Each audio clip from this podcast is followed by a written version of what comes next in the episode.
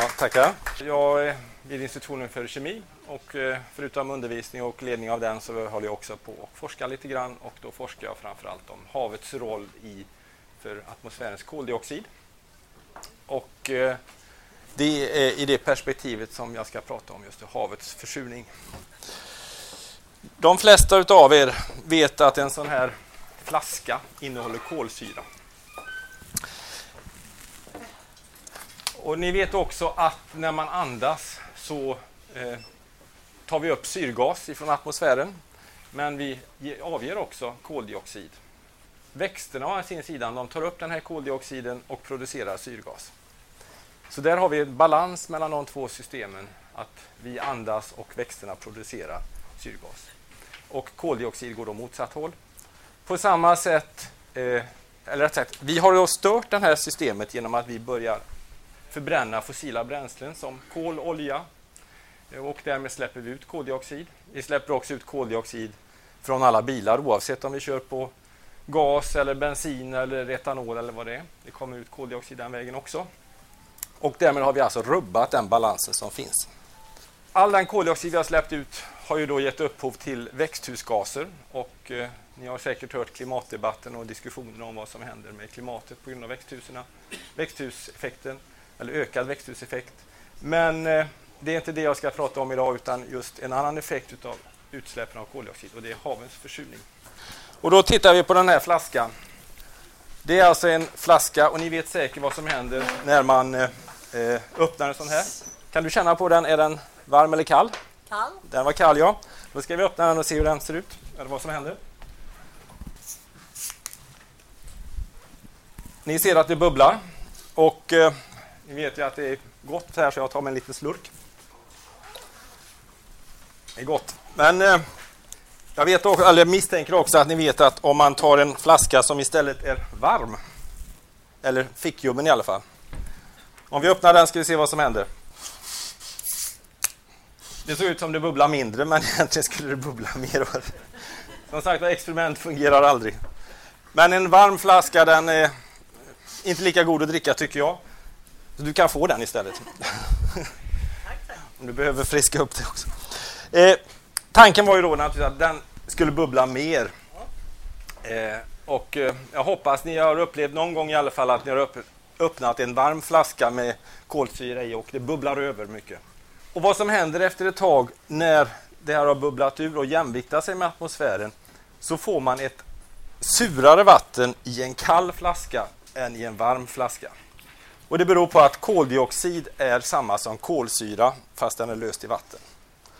Och Det innebär att en kall vatten som är jämvikt med koldioxid är surare än en varmt vatten som är jämvikt med eh, koldioxid. Samma sak gäller också för havet.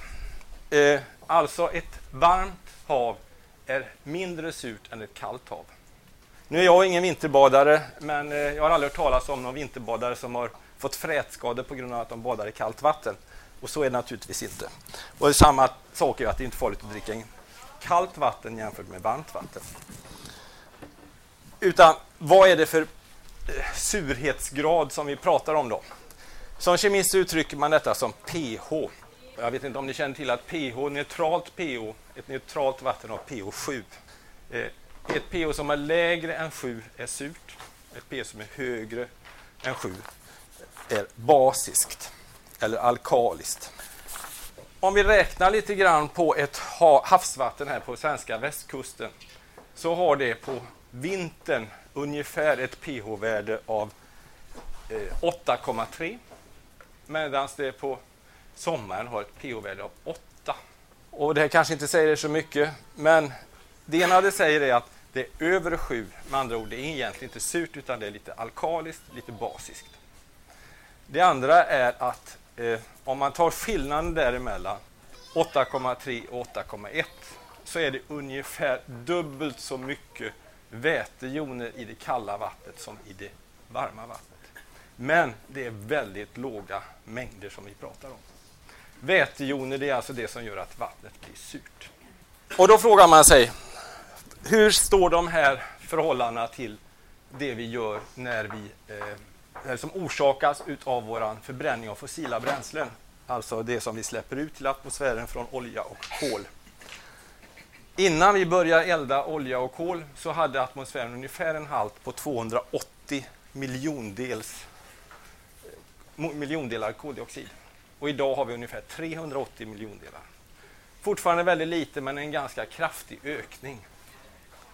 Och om man ser vad det har för effekt på havsvatten så innebär det att havsvattnet idag som är jämvikt med atmosfären har ungefär 0,1 pH-enhet lägre. Alltså det är surare motsvarande 0,1 pH-enhet idag. Och då frågar man sig, har detta någon betydelse? Kanske inte detta, men om vi fortsätter att elda kol och olja så kommer vi antagligen att eh, ändra pH. En del spekulerar i att vi kommer ändra det upp till en halv pH-enhet. Det innebär att vi skulle mer än fördubbla mängden protoner eller vätejoner i havsvattnet. Och det är en hel del även om det inte är så jättemycket. Och det går inte att jämföra. Om ni kommer säkert ihåg försurningsdiskussionen som var för 20-30 år sedan i sjöar. Då pratar man om en förändring av pH på flera enheter. Och det berodde då på förbränning av olja som orsakar svavel som kom ut, svaveldioxid som bildade svavelsyra i vattnet. Eh, I havet så händer inte så mycket. Svavlet har man tagit bort till stor del ifrån oljan och kolet, men, eh, eller i alla fall när man förbränner det. Eh, men koldioxiden är kvar och att havet inte ändras mer beror på att det finns så många andra joner, är ju salt, och de reagerar med protonerna. Och därför så blir inte pH-förändringen så stor. Men trots den här lilla pH-förändringen så är det ändå tillräckligt för att en del organismer ska känna av det. Och Det är framför allt de organismerna som eh, gör kalkskal. Kalkskal, en av beståndsdelarna i kalkskal är karbonatjoner. Det är alltså en av byggstenarna i kalk. Och den koncentrationen, eller mängden per liter utav karbonatjoner är hälften så stor om vi sänker pH med 0,3. Det innebär att för de organismer som bildar kalkskal så blir det betydligt svårare. Det krävs mer energi för att det ska bildas. Och Det finns forskare vid Göteborgs universitet på Marinekologiska institutionen som studerar just hur olika organismer påverkas utav detta. Och till exempel är det larver av sjöstjärnor och sjöborrar som de har sett påverkas om man ändrar pH med kanske 0,3-0,5 enheter. Då blir det eh, mycket svårare för dem att klara sig.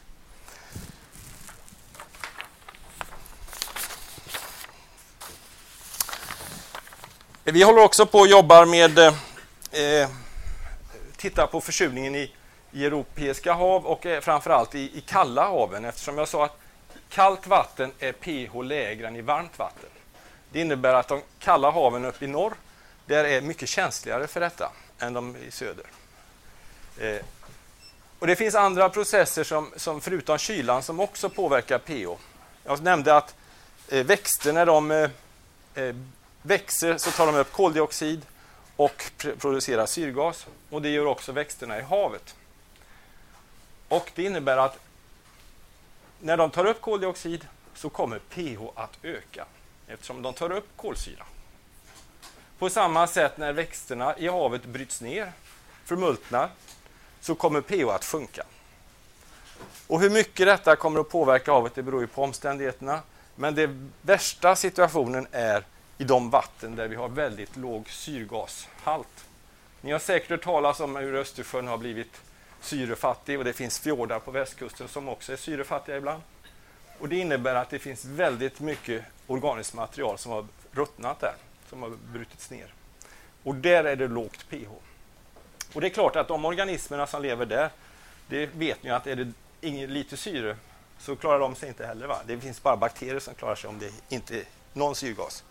Men också den stressen som förorsakas av den lägre pH är märkbart när det finns lite syrgas kvar.